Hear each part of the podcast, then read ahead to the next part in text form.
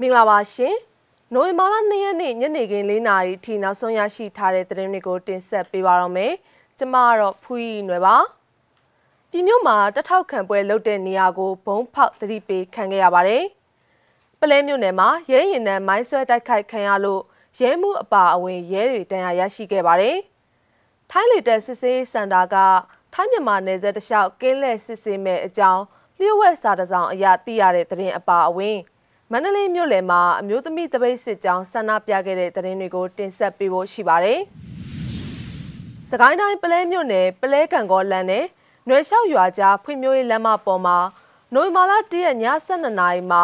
ရဲကားတစ်စီးနဲ့ရဲဆိုင်ကယ်၃စီးကိုမိုင်းခွဲတိုက်ခိုက်ခဲ့တယ်လို့ပလဲ PDF Headquarters တာဝန်ရှိသူကပြောပါတယ်။အဲ့ဒီတိုက်ခိုက်မှုကြောင့်ရဲမှုအပါအဝင်ရဲအများအပြားဒဏ်ရာရပြီးတဦးသေဆုံးသွားတယ်လို့သူကဆက်ပြောပါတယ်။ ဒလန်အင်ကိုခဲနဲ့ပေါက်လို့ဆိုပြီးသူတို့ကရဲခေါ်လိုက်တာပါ။သူတို့အပြန်ကိုစောင့်ပြီးခွဲလိုက်တာ။ကားထဲမှာပလဲမြို့နယ်ရဲမှုလဲပါတယ်။မိုင်းကတော့ထောင်ထားတာတော်တော်များပါတယ်။နှလုံးတော့ကွဲသွားတယ်လို့အဲ့ဒီအဖွဲ့ဝင်ကမေစီမာကိုပြောပါတယ်။ပောက်ကွဲမှုဖြစ်ရာနေရာဟာပလဲမြို့နယ်တမိုင်ခန့်သာဝေးပြီးရဲတပ်ဖွဲ့ဘက်ကမြို့နယ်ရဲစခန်းကိုတက်ကူခေါ်ပြီးတနက်နဲ့အချက်ပေါင်းများစွာပြစ်ခတ်ခဲ့တယ်လို့ဒေသခံတွေကဆိုပါတယ်။ပဲခူးတိုင်းဒေသကြီးပြည်မြို့မှာတထောက်ခံပွဲလုပ်ဖို့လူစုပြီး မြို့ရဲကိုလမ်းလျှောက်ထွက်မဲ့အချိန်မှာပဲဘုံဖောက်သတိပေးခံခဲ့ရတယ်လို့မြေလက်အတန်သတင်းအရသိရပါတယ်။ဒီနေ့နိုဝင်ဘာလ2ရက်နေ့မနက်7:00နာရီခွဲဝန်းကျင်မှာခရိုင်ကွင်းနဲ့လေးရက်ပြင်ကွင်းကိုထွက်တဲ့လမ်းမှာဖောက်ခွဲခံခဲ့ရတာဖြစ်ပြီးပြည်မြို့မြေရောက်ပြောက်ကြားတပ်ဖွဲ့ PUGF ကဘုံဖောက်ခွဲခဲ့တာဖြစ်တယ်လို့သိရပါတယ်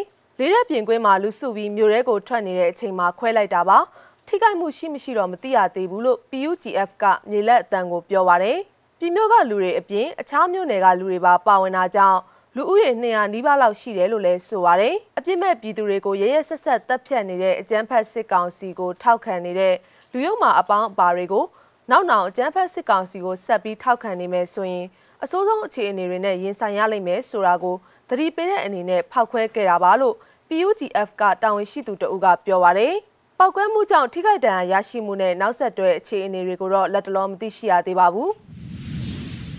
ထိုင်းနိုင်ငံတက်ခရိုင်အတွင်းရှိ ထိုင်းမြန်မာနယ်စပ်တလျှောက်မှာထိုင်းလေတပ်စစ်စေးစင်တာကကင်းလက်စစ်ဆေးမှုတွေပြုလုပ်မယ်လို့မြောက်ရီမျိုးခရိုင်စီမံအုပ်ချုပ်ရေးအဖွဲ့ထံ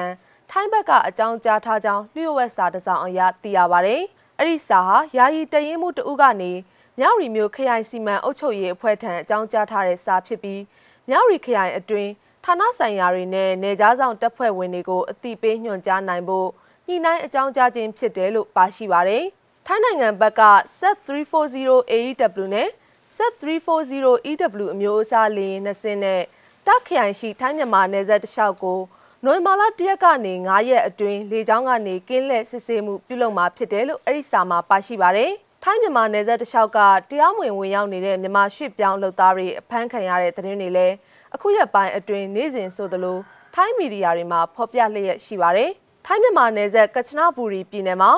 နှစ်ရက်အတွင်းအထောက်ထားမဲ့ဝင်ရောက်လာတဲ့မြန်မာနိုင်ငံသားဥယေ300နီးပါးဖမ်းမိထားပြီးအခုတစ်ပတ်အတွင်းဒီပြည်နယ်တစ်ခုထဲမှာပဲအဖမ်းခံရတဲ့ရွှေ့ပြောင်းလုပ်သားထောင်ကနန်းရှိနေပြီဖြစ်ပါတယ်။မန္တလေးမြို့လယ်မှာမြို့သမီးတပိတ်စစ်ကြောင်းဟာဒီနေ့နိုဝင်ဘာလ2ရက်မှာဆရာနာရှင်ပြုတ်ကြရေးခြိတက်ဆန္ဒပြခဲ့ကြပါတယ်။ခြိတက်ဆန္ဒပြခဲ့ကြတဲ့ရုပ်သံဖိုင်ကိုလည်းဖွင့်ပြခြင်းပါတယ်။